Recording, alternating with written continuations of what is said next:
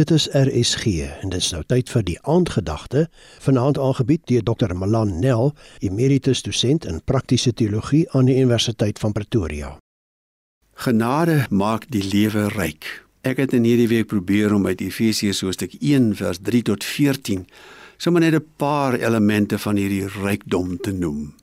Dalk het jy die stukkie al gelees, dalk het jy lus om dit môre op die Sondag te lees.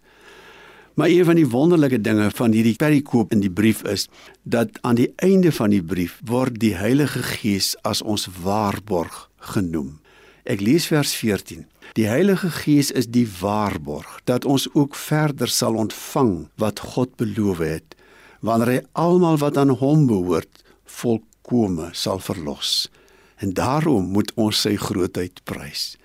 Kan jy jou nou indink dat die Bybel die Heilige Gees hier 'n deposito noem, 'n vooruitbetaling, 'n waarborg dat alles wat God in sy hart vir sy kinders dra in Christus, dit sal ons deel wees en word en bly.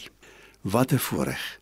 Die Gees wat in ons woon, herinner ons voortdurend daaraan hoe goed God is, hoe lief hy ons in Jesus het wat hy ons alles geskenk het. Onthou jy nog Hoofstuk 1 vers 3 en 4? God het ons geseën met alle seënings wat er in die hemel is deur die Heilige Gees. Geen wonder dat daar dan 3 keer in hierdie perikoop die woorde gebruik word. Ek haal uit die 1983 vertaling aan. Daarom moet ons sy grootheid prys. Hoe sê mens ooit genoeg dankie?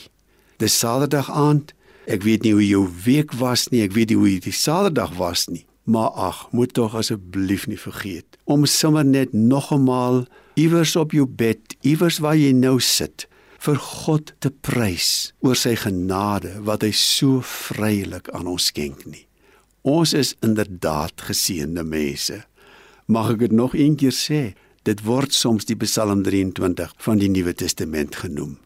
Die Here is my herder ek kom niks kort nie. 'n Goeie nagrus. Dit was die aandgedagte hier op RSG, aangebied deur Dr. Malan Nel, emeritus dosent in praktiese teologie aan die Universiteit van Pretoria.